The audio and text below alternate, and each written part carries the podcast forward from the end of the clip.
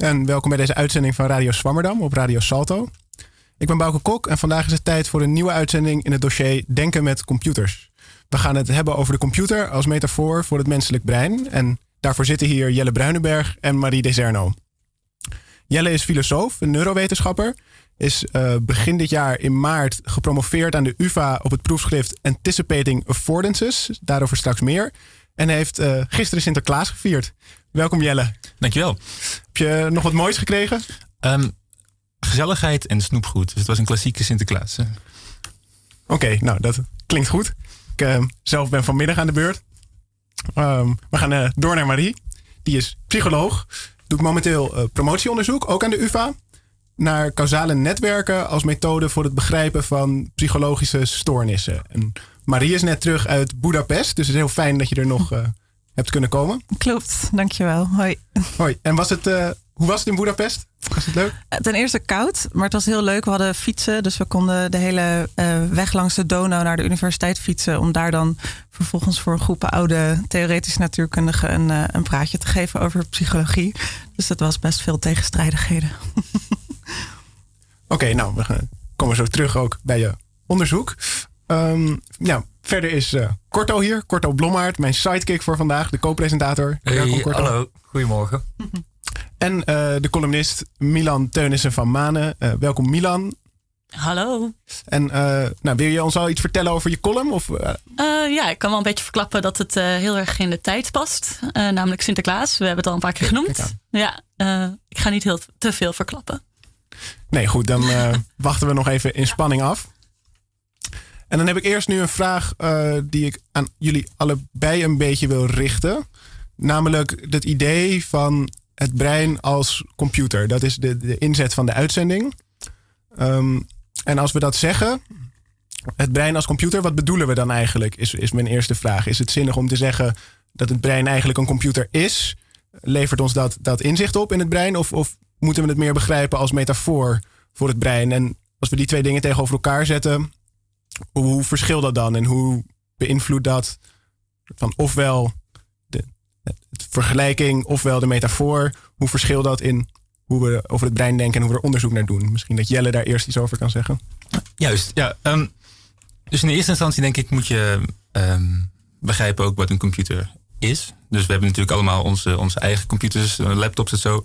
En die werken op een bepaalde manier dat er, er is een, centrale processing unit, er is een harde schijf, er is werkgeheugen, uh, et cetera. Er komt wat data komt er naar binnen toe. Um, en dat is zeker niet hoe ons uh, brein werkt. Dus toen de eerste computers opkwamen, werd het echt als een hele serieuze, in ieder geval als metafoor gezien en in bepaalde stromingen ook echt als een soort van een manier te zien om ook over de geest na te denken. Die, de, het brein is de hardware en dan is onze geest is gewoon de software die daarop rond, als een soort van programmaatje dat geïnstalleerd is daarop.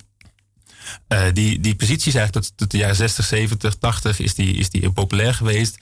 En die is daarna heel erg sterk afgenomen. Um, en vooral omdat die match eigenlijk tussen wat we weten over de, de, de, neurowetenschappen nu en hoe computers werken, die, die, die, valt, die, die is steeds minder goed. en één ding heeft te maken dat dus computers werken in principe op een soort van seriële manier. Het gaat van, van A naar B naar B naar C, et cetera. Um, en we weten dat ons brein heel erg ook is in termen van feedback loops werkt, waarin er eigenlijk allerlei dingen tegelijkertijd uh, gebeuren. En, en dus dat maakt ook dat die, dat die computermetafoor eigenlijk een bepaalde manier van denken impliceert, namelijk een soort van logische redeneerstappen impliceert, die eigenlijk in ieder geval, als je op het soort van neurale niveau gaat kijken, helemaal niet meer uh, kloppen. Um, tegelijkertijd heb je wel een soort van het, het, kunnen gebruiken van computationele methoden voor het begrijpen van het, van het brein. En dan ga je dus weg van een soort van een computer die we hebben die op een bepaalde manier werkt, maar gewoon het gebruik van computationele principes. En dat is juist wel weer een hele vruchtbare manier om naar dat brein uh, te kijken. En op die manier denk ik dat je ook vanuit die computationele methode ook wat nieuwe metaforen voor het brein kan, kan, kan vinden om, om beter te begrijpen hoe dat, uh, hoe dat zit. Ja, en dat is dus wat jullie uh, doen. Ja. Ja, en dus die mensen in de jaren 60 en 70 die echt die vergelijking maakten, hadden die het dan, dan fout? Of was dat een soort nou, noodzakelijke stap om nu tot die meer vruchtbare inzichten te komen? Ik denk dat het historisch interessant is dat eigenlijk altijd al, zoals van ook in de 17e, 18e eeuw, soort van de nieuwste machines uh, altijd werden gebruikt om dat brein te gebruiken. Oh, uh, oh het is een klok. Oh, het is een, een, een, water, nog wat. en eigenlijk is het steeds, als je elke keer zegt, is er weer een nieuwe soort van techniek beschikbaar.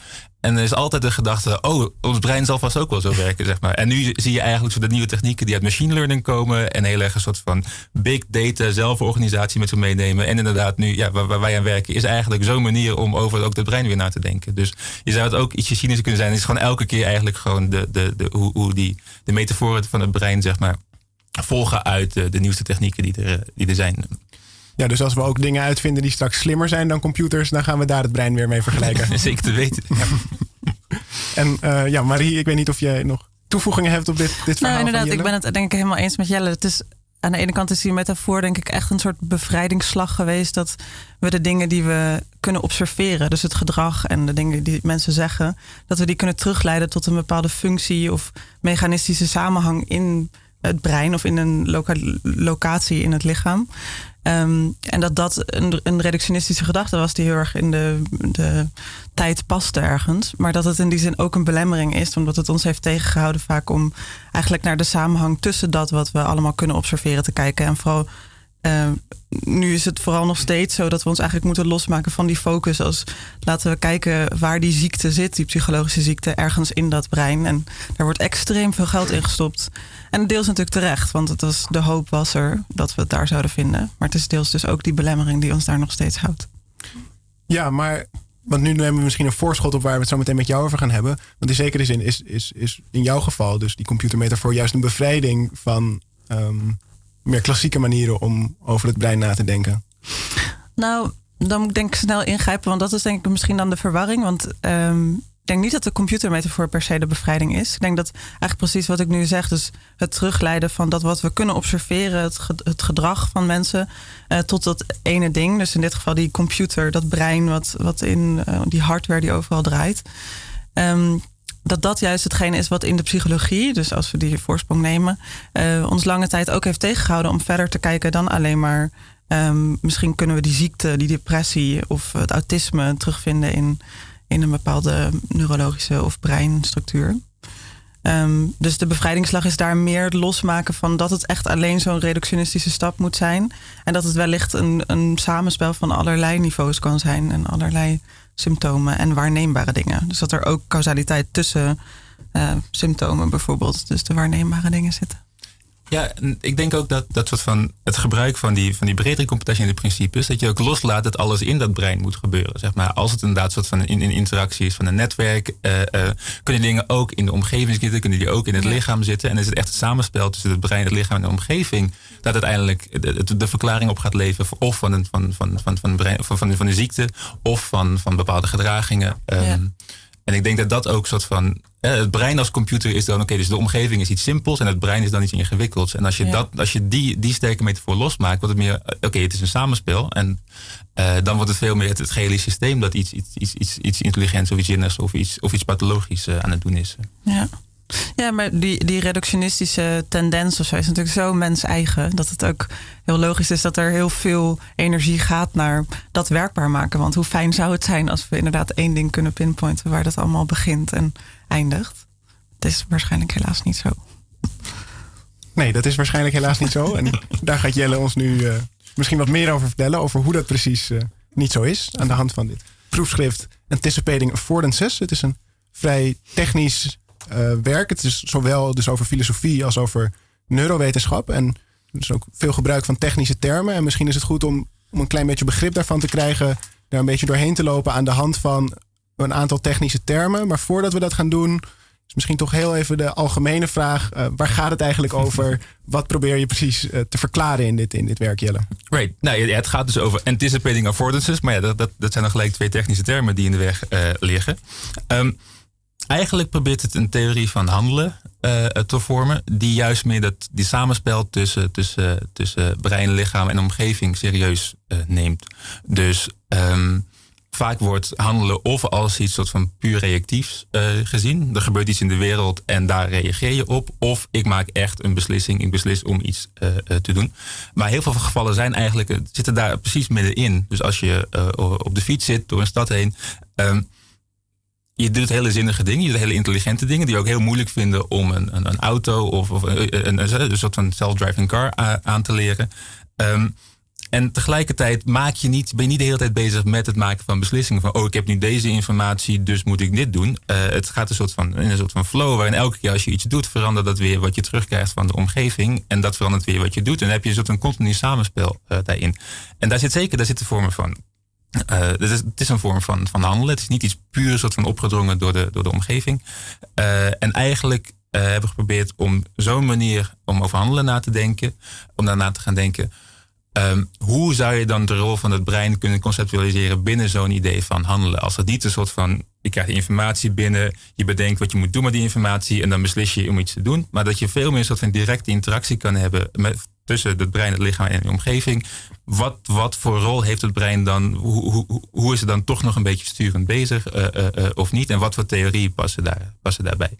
En er is dus één eigenlijk een van de eerste soort van Grand Unified Theories in, in, in, in de neurowetenschappen. Um, die is nu aan, aan, aan het opkomen. En ik heb eigenlijk zo beargumenteerd, dat heet het Free Energy Principle. En ik heb beargumenteerd dat eigenlijk zo'n Free Energy Principle heel goed past bij, uh, bij zo'n manier om over handelen na te denken. Namelijk dat het een continue feedback loop is tussen, de, tussen de agent en zijn, en zijn uh, omgeving. En als die interactie maar goed verloopt, dan is dat systeem intelligent of, of, of goed bezig.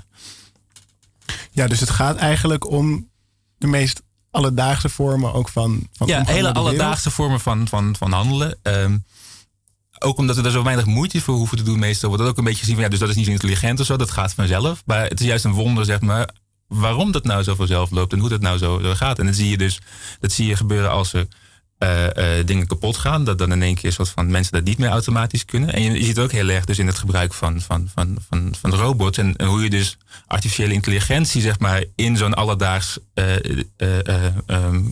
samenspel kan zetten. En dat is juist super ingewikkeld. In een soort van als het gaat om schaken, een soort van, van spel dat heel erg soort gelimiteerd is in de mogelijkheden, dan is die AI is is die supergoed.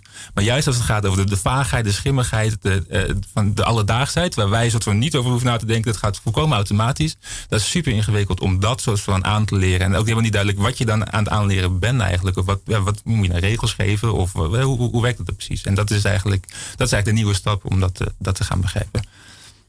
Ja, en dat probeer je dus aan de hand van um, nou, namelijk fundamentele uh, informatiewetenschap. En daarvoor moeten we dus om daar enige grip op te krijgen, wat begrippen misschien door. En laten we dan beginnen met predictive processing. Yes, wat wat ja. is predictive processing? Nou, dus eigenlijk een, een, een, theorie die al langer de ronde doet.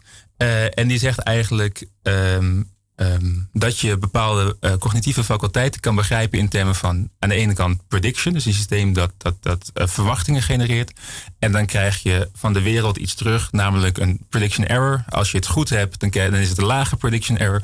Uh, en als je, het, als je het niet goed hebt, dan krijg je een hoge prediction error terug.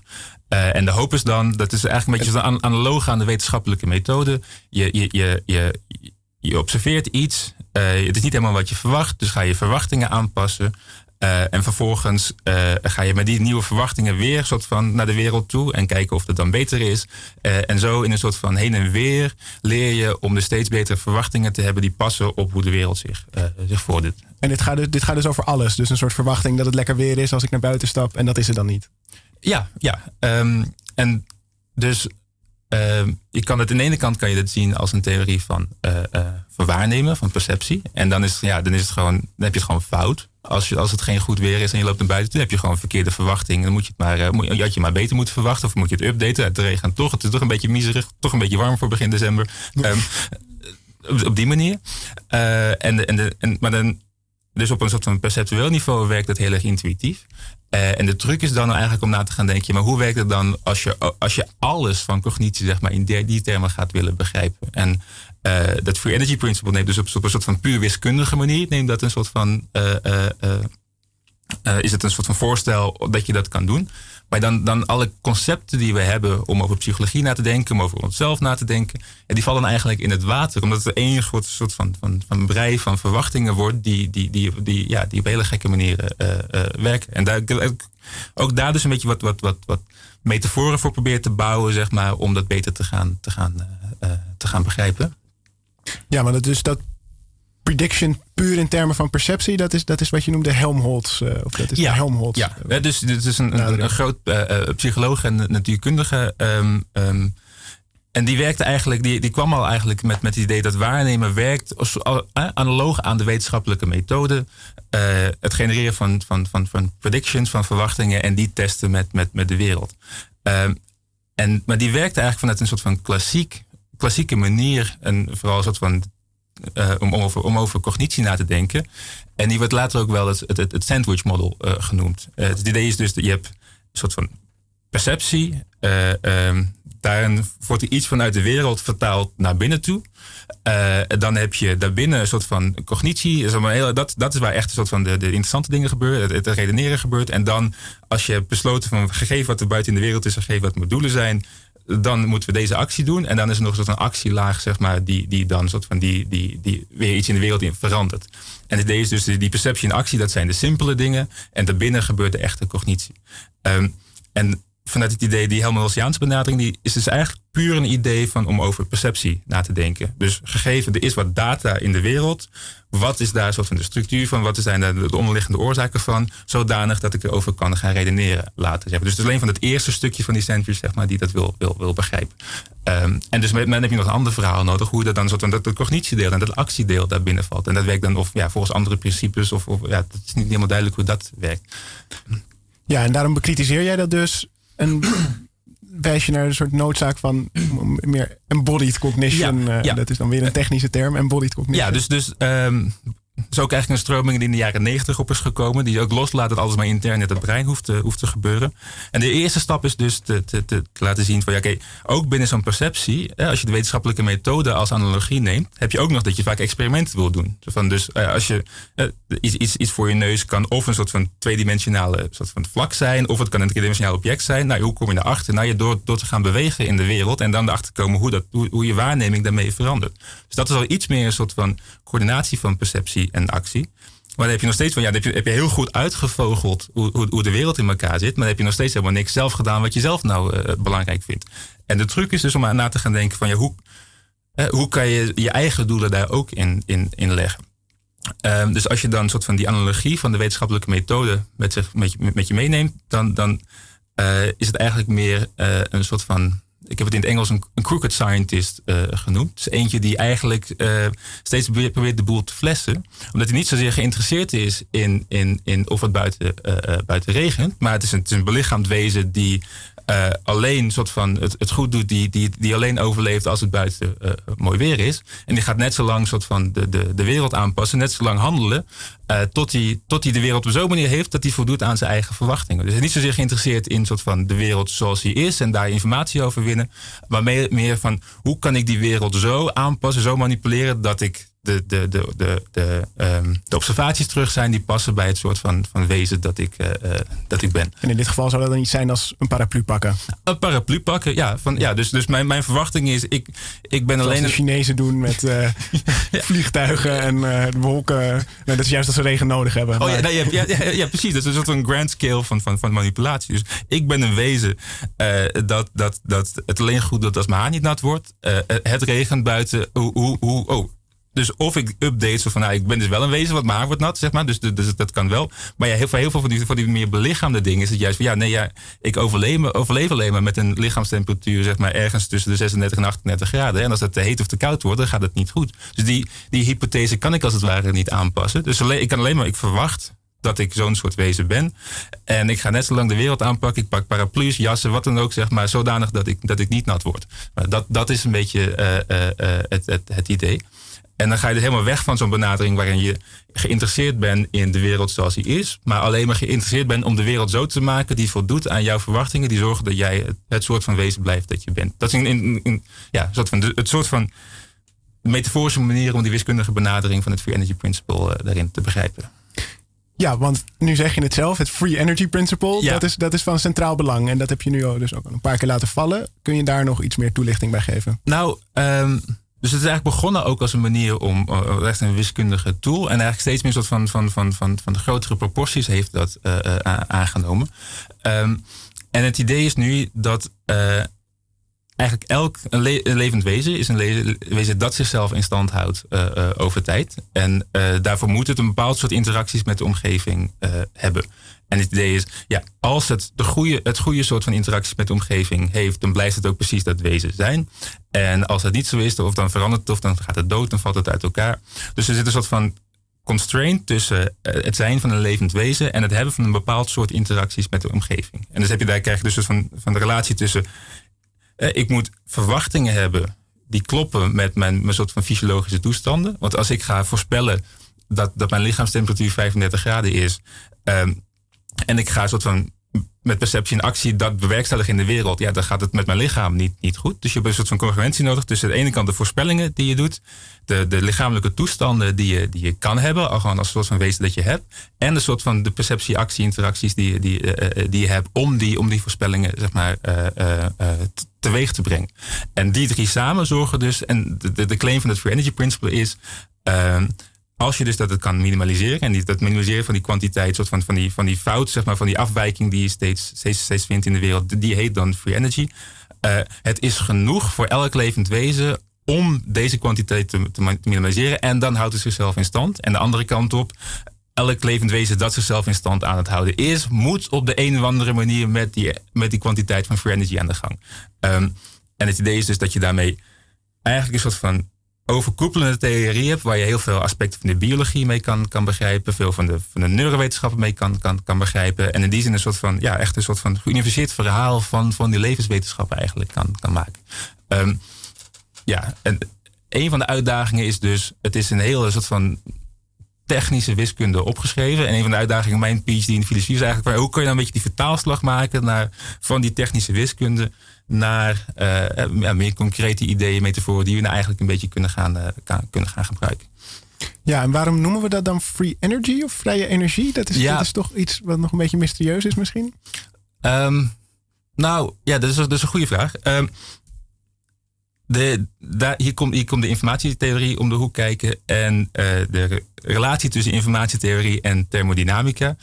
Um, en daar in thermodynamica heb je een hele duidelijke notie van, van vrije energie. En dat is namelijk de energie die een systeem kan gebruiken om, om, om, om, nuttig werk uh, te doen. En je hebt een soort van.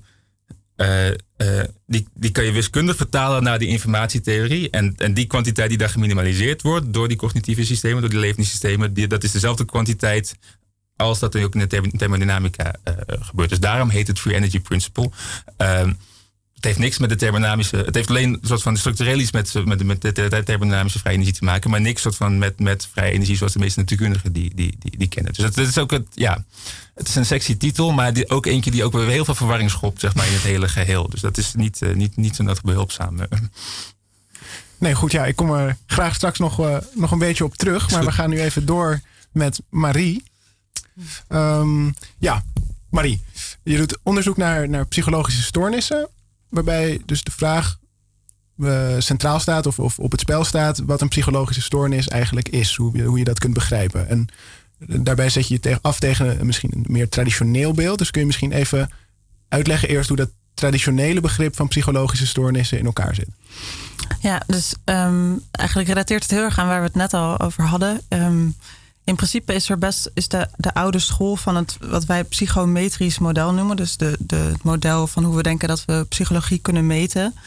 Um, is heel erg gebaseerd in dat metaforisch denken wat we net hadden. Dus eigenlijk hele mechanistische metaforen van waar dingen vandaan komen. Hele reductionistische ook. Dus het terug kunnen en willen leiden tot één ding, ergens in het, in het lichaam het liefst. Maar eigenlijk de manier waarop we nu bijvoorbeeld, het klassieke voorbeeld is altijd depressie in die, in die groep waar ik vandaan kom, de Psychosystems Group. Um, is dat uh, als we mensen naar een psycholoog sturen omdat ze last hebben van een set van symptomen, dan uh, zou dat kunnen dat Jelle komt en zegt: Ik heb uh, concentratieproblemen en ik slaap niet goed en ik voel me daardoor echt waardeloos de volgende dag de hele tijd. En dat zet door en door en door, waardoor hij op een gegeven moment zich gewoon niet meer goed genoeg voelt.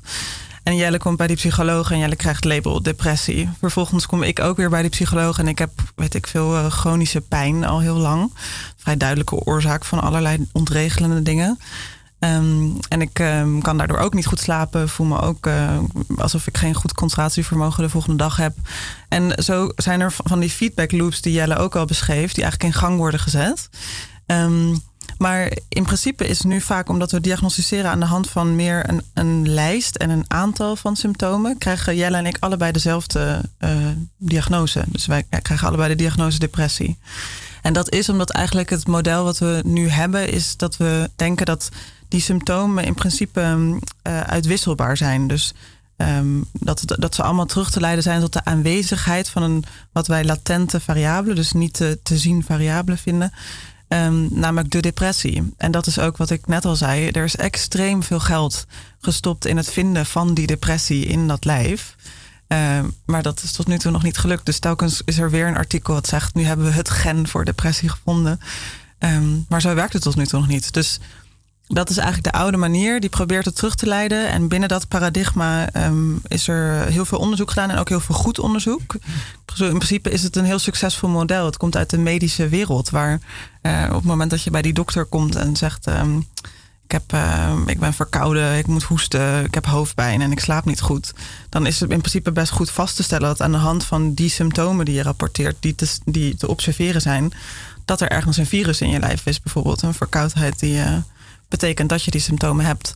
Maar dus het één op één toepassen daarvan op, de, op psychologische uh, stoornissen of, of constructen heeft zeker veel goed gebracht. Want het heeft gewoon behapbaar kunnen maken dat mensen geholpen kunnen worden aan de hand van diagnoses. Maar uh, staat wel, denk ik, de wetenschappelijke vooruitgang nog steeds in de weg. Dus daarin ligt nu de paradigma-wissel binnen de psychologie.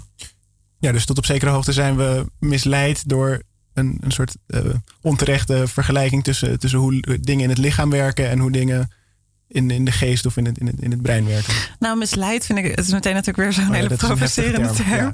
Ja. Um, ik denk gewoon historisch zo gegroeid. Uh, ook zoals we het net al hadden, uh, belangrijke stappen daarin gezet. Gewoon hoe de mens steeds verder leert nadenken. Maar het is natuurlijk ook dat er gewoon empirische evidentie is, meer en meer, die duidelijk aangeeft dat het niet alles kan zijn. Dus um, ja. En is dit ook waar je het had, over had in Budapest met de, met de natuurkundeprofessor? Of ging ja. het over iets heel anders? Nee, dat is precies dat. Dus dat is heel leuk ook eraan. En dat klinkt natuurlijk ook al een Jelles verhaal door. is extreem interdisciplinair. Dus het is eigenlijk inspiratie halen uit bepaalde andere uh, hoeken. Die ook met hele complexe vraagstukken en hele complexe systemen bezig zijn. En in dit geval eh, was het eigenlijk heel leuk, omdat ik met een, een collega, Tessa van mij, die, um, wij zaten op een gegeven moment te praten over hoe grootse psychologische netwerken zich zouden kunnen ontwikkelen en of daar de rol van bepaalde symptomen uh, in onderscheiden kan worden. Dus of bepaalde symptomen stabiliserend werken voor een, een stoornistoestand. Dus het feit dat je, dat je in die depressie blijft hangen, bijvoorbeeld.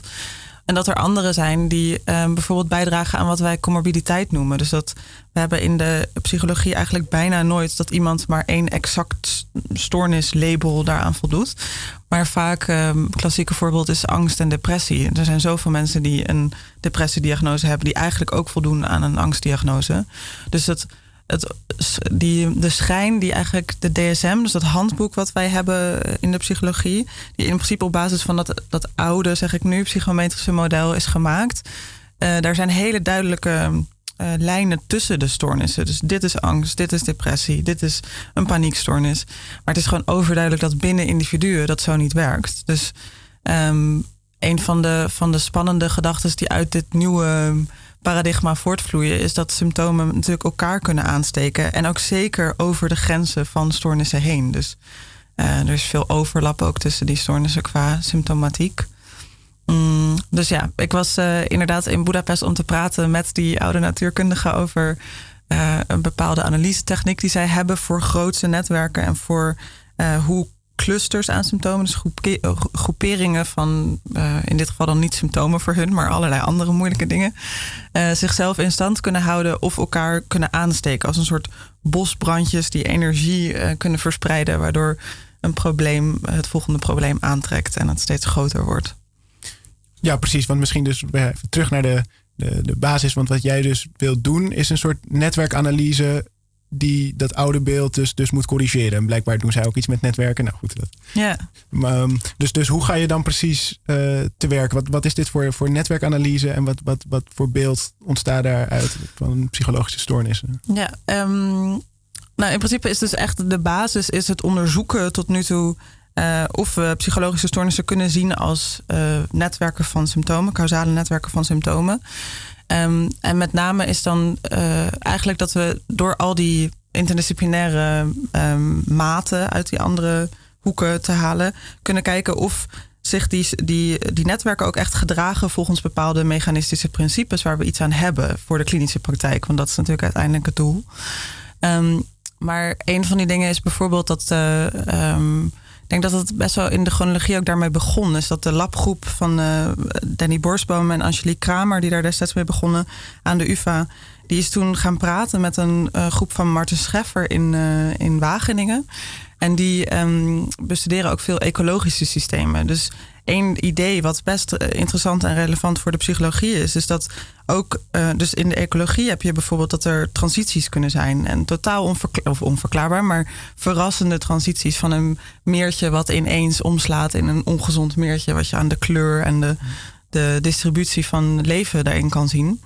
Um, maar dat je die, die soortgelijke transities misschien ook uh, in de psychologie hebt, van gezond naar bijvoorbeeld dus depressief en weer terug.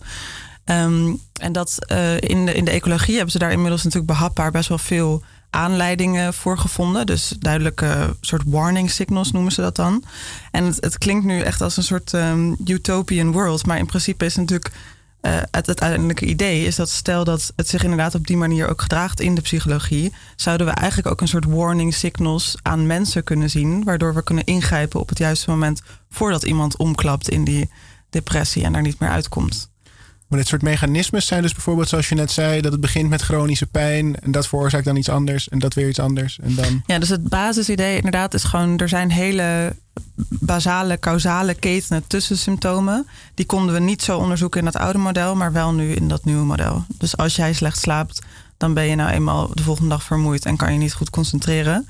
En dit kan een soort feedback loop in gang zetten, waardoor um, er nog veel meer uh, symptomen aangewakkerd worden en dat hele systeem zichzelf in stand houdt. Dus een soort. Ja, een feedback loop, misschien is dat, dat evident hoe dat, hoe dat dan werkt, maar hoe zie je dat, hoe moet ik dat precies voor me zien? Dat er dan een soort ja, feedback tussen die verschillende symptomen plaatsvindt? Ja, nou in principe, um, dat, als het, het, ik zag ook al dat je dat eerder al een keer had, of we hadden het er net eigenlijk over. De latente vogel is altijd het grappige voorbeeld daarin. Is dat als je uh, zwermgedrag van vogels, dat is natuurlijk een prachtig tafereel. Je ziet ze alle kanten op bewegen. En in principe, als we nu even bedenken dat dat de symptomen zijn die samen covariëren, zo noemen we dat. Dus omhoog en omlaag gaan. Als jouw depressie erger wordt, gaan ze allemaal omhoog, meetbaar. En allemaal weer omlaag als je gezonder wordt. Um, en wat we tot nu toe hebben gedaan, is dit uh, proberen te verklaren aan de hand van één achterliggende oorzaak. Die zegt nu met z'n allen omhoog. Dus die depressie wordt erger. Dus die symptomen gaan omhoog en allemaal weer omlaag als het minder erg wordt.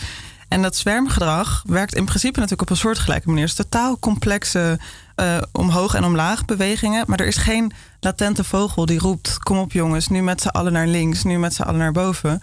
Want hoe werkt dit wel? Het is dat die, die um, uh, buren met elkaar in contact staan en de hele tijd kijken. Dus als iemand een bepaalde actie naar links doet, dan bewegen de andere vogels mee. En in principe kan je zo ook symptomen voorstellen. Op het moment dat er, dat er allerlei problemen al aangaan, dan is de kans groter dat er nog andere problemen bijkomen. Door gokverslavingen word je op heel veel andere vlakken die met zelfverzorging en goede psyche te maken heeft, dan uh, daar ga je ook niet meer goed mee om. En op het moment dat je niet goed kan slapen, zijn er allerlei andere effecten die, die ook niet goed zijn. Het is natuurlijk fascinerend hoe verschillend mensen daar ook in zijn. Hè. Er zijn Mensen die uh, als ze een slechte dag hebben, s'avonds alsnog goed eten en dan uh, en naar bed gaan en een goede nacht slapen. Maar er zijn ook mensen die uh, de hele nacht Nina Simone bij hun raam luisteren en sigaretten roken en dan een nacht slaap hebben overgeslagen. Dus die individuele verschillen zijn heel bepalend en die hebben dus te maken met die in hoeverre er feedback loops in gang worden gezet binnen het individu. Ja, en dat is dus ook een belangrijk winstpunt dat je zo'n zo'n individuele benadering ook mogelijk maakt door op deze manier over symptomen na te denken. Klopt, ja. dus je kan uh, daardoor inderdaad veel beter hopen, hopen wij, bestuderen hoe het binnen individuen verloopt, maar ook over groepen heen, hoe zoiets überhaupt kan ontstaan. Dus zowel de etiologie, de ontstaan, het ontstaan van, van ehm, psychologische constructen, maar ook het verloop binnen individuen of dus binnen die klinische groepen, depressie en angst. Dus het heeft denk ik veel consequenties als het uh, een succesverhaal is. Ja, want hoe is jouw relatie? Heb je contact met klinisch psychologen? Doe je zelf klinisch werk? Nee, um, ik, niet helemaal niet. Ik heb zeker contact met uh, klinisch psychologen. En ook die, die onderzoeksgroep waar ik nu bij zit, die, uh, die staan in, uh, in sterk contact met allerlei verschillende onderzoeksgroepen. Die ook heel klinisch toegepast werk doen. Dus um, er zijn in, in die zin ook best veel mooie voorbeelden van. er is één, dat is misschien een klein voorbeeld dat ik kort kan vertellen, maar één uh, man die um, uh, op een gegeven moment van dit verhaal hoorde. En die hoorde ook dat wat één ding wat ze nu proberen te doen is met telefoons. daar zetten ze dan een app op en dan vragen ze een paar keer per dag bepaalde vragen over je gemoedstoestand. En kijken dan hoe eigenlijk dat, dat complexe systeem over de tijd heen zich beweegt en ontwikkelt. En deze persoon die, die hoorde dat en die dacht fantastisch. Ik wil gewoon als proefpersoon eigenlijk graag meedoen. Maar die had ook nog het verhaal dat hij zelf in principe uh, best veel depressieve periodes in zijn leven had gehad. En uh, daarvoor medicatie kreeg. En die medicatie wilde gaan afbouwen in een soort dubbelblinde constructie. Dus hij wist niet wanneer de medicatie naar beneden zou gaan. De apotheek wist het ook niet. Maar in het achterdeurtje werd gewoon op een gegeven moment gradueel de medicatie meer een placebo.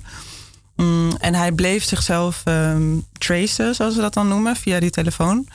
Uh, en je ziet dus inderdaad op een gegeven moment een, een soort van sudden transition, dus een, een, een sterke shift, dat uh, symptoomsamenhangen anders worden en dat, dat het netwerk op een andere manier uh, verbonden is van die symptomen.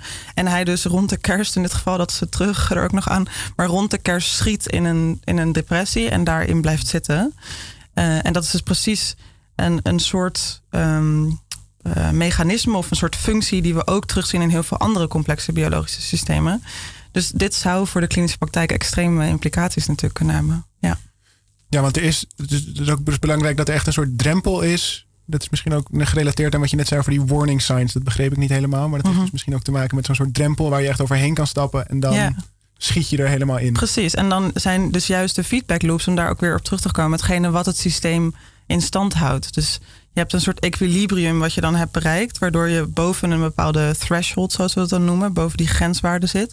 En dan kan het systeem zichzelf in stand houden, zelfs als de stressoren, zoals die, die chronische pijn waar we het net over hadden, of iets anders, een relatie die wel weer aangaat of een baan die je wel weer krijgt. Dus dingen die juist de stressor daarvoor waren, waardoor je erin schoot. En zelfs als je die wegneemt, dan kan het systeem zichzelf in stand blijven houden. En dat is dus precies dat, dat non-lineaire, zoals we dat noemen. Dus het is niet alleen hoe erger, hoe erger. Maar er zijn bepaalde hele complexe samenhangen die zo'n zo'n uh, systeem zelfversterkend maken. En daarvoor zijn zowel feedback loops als ook um, transitiewaardes. En ook, uh, ook die computationele denkmetaforen eigenlijk nodig. Ja, want die computationele denkmethode, dat, dat, dat gaat dus inderdaad over dingen als feedback loops en. Uh... Ja, ja, met name. Ja, dus inderdaad, het, het complex systeem van symptomen gedraagt zich waarschijnlijk uh, als, een, als een complex systeem uit bijvoorbeeld de ecologie of de biologie. En die, die computaties om te kijken hoe die samenhang precies zit, die, uh, die is op dit moment aan het groeien. We weten het natuurlijk ook nog niet waar het naartoe gaat, maar dat is nu de belofte. Oké, nou dan sluiten we af met een belofte. um, want we gaan door naar de, de column de column van Milan. En uh, nou, het woord is uh, aan jou. Ja, dankjewel. Um, ja, ik uh, denk dat ik de meeste technische termen ga droppen. Um, ja, ik, Jelle had een artikel van Wired doorgestuurd. En die had me helemaal in de ban. Um, en natuurlijk ook Sinterklaas had me helemaal in de ban. Ik ga voor, de, voor het eerst bij de ouders van mijn vriend Sinterklaas vieren. en daar deden ze aan gedichtjes schrijven. En dat heb ik bijzonder weinig gedaan. Ik ben in het buitenland opgegroeid. Daar deden we dat niet. Dus uh, ik dacht, hè, twee in één. Ik ga proberen een Sinterklaas gedichtje te schrijven. Uh, alsof de uitvinder, de bedenker van de Free Energy Principle, uh, aanschuift. En die heeft een loodje getrokken en die moest nu een, gedichtje schrijven. Um, ik denk dat, ik vrees dat het een beetje een inside joke gaat worden. Omdat er, uh, je moet wat kennis hebben en het artikel in ieder geval gelezen hebben. Maar um, uh, ja, ik hoop dat hij een beetje landt. En anders kan ik het artikel heel erg aanraden. Het is goede, goed stuk. Oké, okay, dan gaan we. Nu moet ik natuurlijk de, de gedichtjes voorlezen stem. ja. De Sint wilde je wat schenken en moest meteen aan vrije energie denken. Ja, je lijkt wel het type dat gebruik kan maken van een goed scheidende deken of laken. Hopelijk kan die je helpen met de entropies helpen. Met jezelf en je omgeving beter te definiëren en genieten van een drang tot epistemisch fourageren. Maar voordat je helemaal opgaat in het ontdekken van het leven door middel van actief gevolgtrekken, voordat niks je nog meer kan chockeren en je denkt dat alle onzekerheid en je denkt alle onzekerheid te kunnen minimaliseren, is er nog één verrassing die je nog te wachten staat. En dat is wat er achter de verpakking van je surprise schuil gaat. Oh, heerlijk. Ja. Dankjewel. Dankjewel. Echt heel veel lol gehad in het schrijven. ja. Nou ja, we hebben dan uh, zo'n wat kortere column dan gebruikelijk. we hebben extra veel tijd over om dit even, dit even uit te pakken. Ja, ja, ja, ja, ja, ja, Het was de beste samenvatting van Friendly Principle dat ik, dat ik ken in ieder geval. Yes, het is me gelukt. Ik dacht even dat ik misschien heel erg de mist in zou gaan. Het is nogal complex, ja. Uh, ja, goed. Dus dan uh, kunnen we het hierover gaan Mag hebben. Mag ik een, een, vraag stellen? Ja, heel graag. Ja, um, ik uh, zit heel erg met wat Jelle verteld heeft en wat Marie verteld heeft. Um, je hebt het over systemen en het nadenken en processen van zijn en, en over pathologie daarin. En um, ik vroeg me af, nou ja, als het over computers gaat, van ja, uiteindelijk moet het ook iets gaan vertellen over hoe we kunstmatige intelligentie kunnen gaan uh, ontwikkelen. Uh, zou er een toekomst zijn waar, uh, als we kunstmatige intelligentie gaan modelleren op dit soort processen, dat er dan ook pathologie bij hoort? Dat we dan depressieve kunstmatige intelligentie krijgen? Om even Hitchhiker's Guide te hinten. Wie wil? Ja, ja. ja. Nou ja, depressie is misschien een moeilijk voorbeeld, omdat het inderdaad eh, weinig natuurlijk echt cognitieve of de cognitieprocessen, de fundamentele cognitieprocessen, uh, dat dat de oorzaak ervan niet is. Maar ik denk bijvoorbeeld wel uh, dat. Uh, neuropsychologische pathologieën. Of het is natuurlijk moeilijk of we dat nu pathologie noemen of niet. Maar bijvoorbeeld zoiets als autisme. Dat is echt iets wat heel erg. het onderzoek daarna is heel erg gelinkt aan wat Jelle net ook vertelde. Omdat daar weten we eigenlijk nog steeds ook niet waar dat precies vandaan komt. Zelfs al denken veel mensen, oh, daarvan weten we toch inmiddels wel dat het echt een neurologisch proces is of een bepaald gen of zoiets. Maar eigenlijk nog steeds niet. Er zijn bepaalde eigenschappen die soms geassocieerd zijn uh, met het wel of niet hebben van autisme. Um, maar eigenlijk kunnen we dat nog steeds niet goed terugleiden. Um, maar wat natuurlijk wel zo is, is dat binnen dat hele predictive coding, wat, uh, wat Jelle net vertelde, is dat je kan, er zijn wel volgens mij zelfs inmiddels al simulaties waar mensen proberen eigenlijk een autistische uh, informatieverwerking na te simuleren op mhm. basis van deze principes. Dus uh, precies die prediction error is dan wat men als het verklarende principe handhaaft voor dat mensen met autisme alles heel um, heel snel overprikkeld kunnen raken of dingen snel te veel kunnen vinden. Want wat dan eigenlijk het idee zou zijn, is dat iedere keer dat je zo'n prikkel krijgt, als je die autistische informatieverwerking hebt, dat je dat iedere keer weer als een nieuwe prikkel waarneemt. Dus iedere keer weer heel veel energie moet stoppen in het verwerken, plaatsen en je daartoe verhouden. Maar dat is inderdaad de, de neurotypische, zoals we dat dan noemen, eh, informatieverwerking zou zijn dat je dus dat kan aanpassen, updaten of, of hoe Jelle dat volgens mij net noemde. Mhm. Dus iedere keer als je zo'n ervaring hebt, uh, dat eh, die informatie kan updaten en daar vervolgens naar kan gaan handelen de, bij de volgende keer dat je die prikkel krijgt. Mhm. En dat daar dus natuurlijk wel het interessante ligt. Dus als we zelfs op zo'n manier uh, zo'n autistisch brein, als je het zo wil zeggen, uh, zouden kunnen simuleren, dan kan je inderdaad ook heel veel met het, uh, ja, de soort van de, de, gevolgen tracen van hoe, als, je, als dat je informatieverwerking is, hoe je dan andere dingen ziet of benadert voor je zijn. Ja, het andere is denk ik dat uh, um, vanuit die predictive processing ideeën zit er een relatie tussen uh, de verwachtingen die je hebt en hoezeer je wordt aangesproken tot, tot, tot, tot handelen. Uh, en in die termen kan je natuurlijk ook nadenken als, als depressie, als iets waarin juist dat van uh, die, die, die, die, die verwachtingen die vlakken wat, wat af. En daardoor word je niet meer zo aangesproken om, om, om, om te handelen, om je situatie te verbeteren, om de boel te, te, te minimaliseren. Ehm, en aan de andere kant zou je iets hebben waarin je dus veel te sterke verwachtingen hebt. En daardoor continu zeg maar, in de wereld wordt, wordt, wordt aangesproken om maar dingen te verbeteren, om dingen, om dingen te veranderen. En dat, dat zit meer echt aan, aan, aan, aan de hyperkant, zeg maar. Dus uh, mijn gok is dat in het, in het fine-tunen van die, van die AI, zeg maar, dat je door heel veel regimes komt die verdacht veel lijken op allerlei soort van pathologieën die we, die we hebben aan alle kanten. En dat dat inderdaad soort van.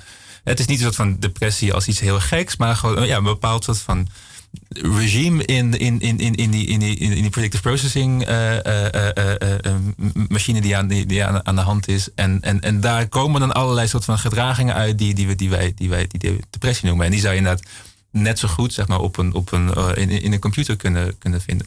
Ja. Um, een van de vragen is natuurlijk wel altijd soort van Ehm, bij ons komt daar op een gegeven moment iets als, als, als, een, als een persoon uit die ook weer soort van zich verhoudt tot zijn eigen uh, symptomen en gedragingen en dat soort dingen allemaal. En dat, dat is een soort van feedback loop uh, die, die, die we met z'n allen nog helemaal niet begrepen hebben hoe dat mm. nou in godsnaam mm. werkt. Dus dat, dat is in ieder geval nog een soort van discrepantie tussen, ja. tussen de machines die we nu hebben in ieder geval en, en, en, en de, de, de, de, soort van dingen dat wij zijn.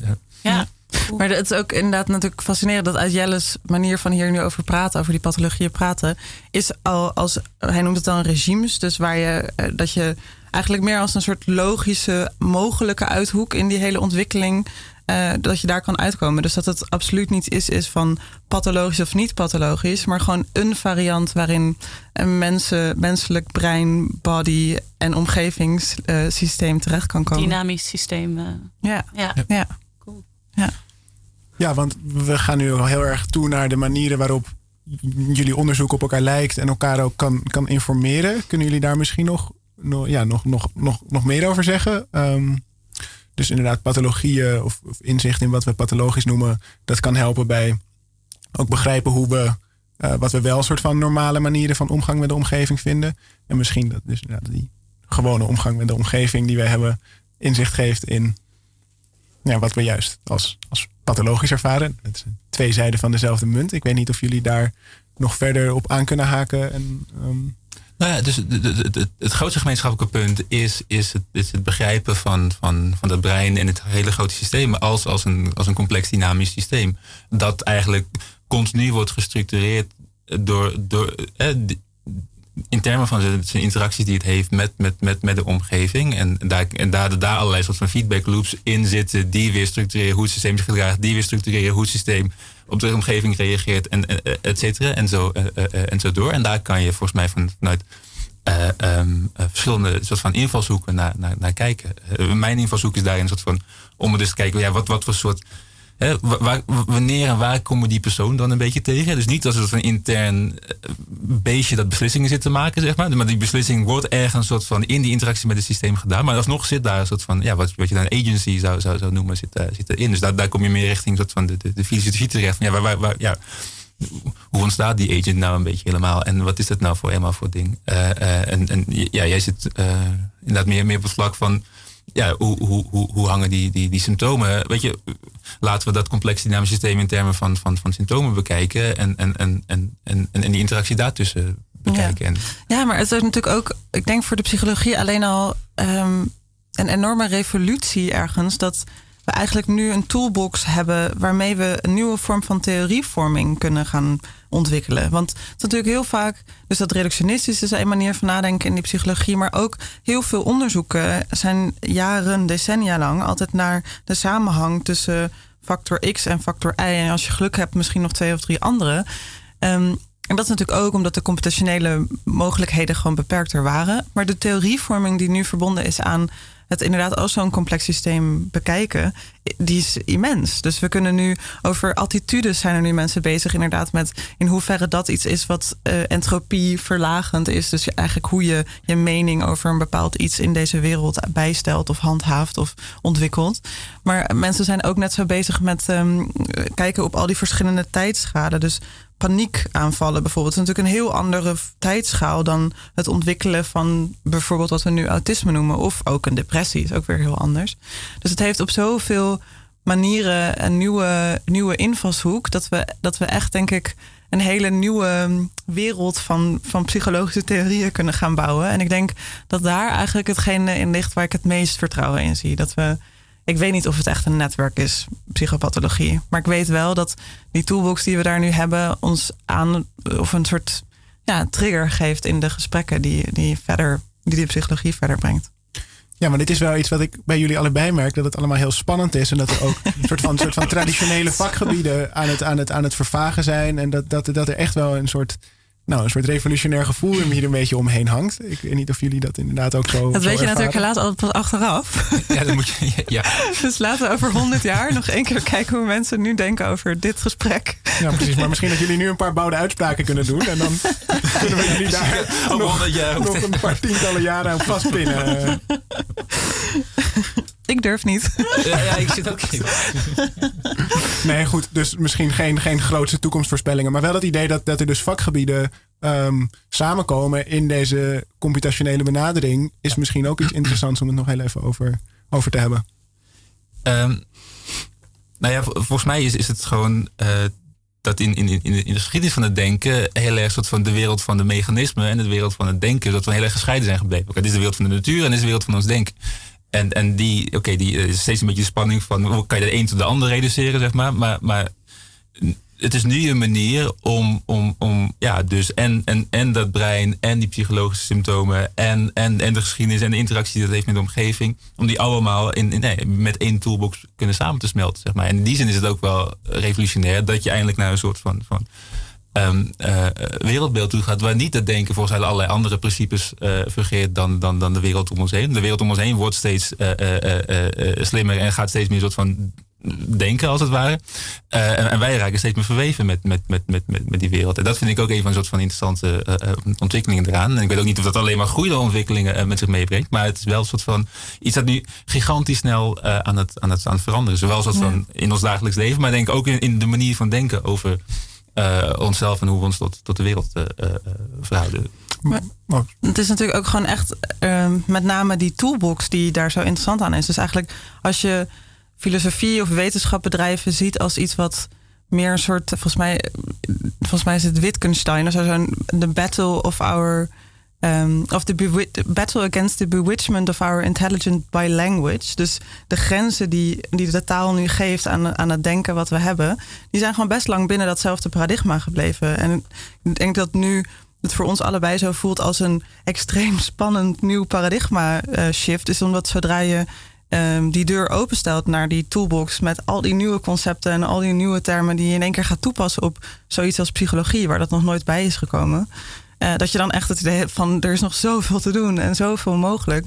eh, dat het echt voelt als een, als een kleine revolutie. Maar is dat ook niet eigenlijk dan gewoon een complexere taal? Dat het zeg maar dus, ja, het wordt wel eh, meer, hoe zeg dat, meer interactief tussen verschillende disciplines. Maar het is dan toch gewoon een complexere taal dan bij wijze van spreken de taal van waar Wittgenstein dan voor waarschuwt. Van hè, pas op voor de Ja. menselijke taal, maar als dan of laten we zeggen computertaal, enen en nullen. Maar dat het in ieder geval gewoon, dat het dat, eh, dan ja, heb je toch alleen maar complexere problemen. Of in ieder geval, je, je begrijpt het natuurlijk wel beter, maar snap je dat het... eh, Ja, maar die, dus, dus heel lang is natuurlijk ook de relatie tussen taal en intelligentie eh, eh, gelegd. Maar als je dan eh, gaat van een, van een metafoor als de, de zwerm spreeuwen, zeg maar, en, en, en hoe dat met elkaar interageert, daar, is intelligentie in één keer helemaal losgezongen van, van, van de taligheid, zeg maar. Eh, Er, gebeurt hier niks, er is geen, geen, geen redeneren hier aan de gang, maar het ge- er- gebeurt heel, heel adaptief, zeg maar.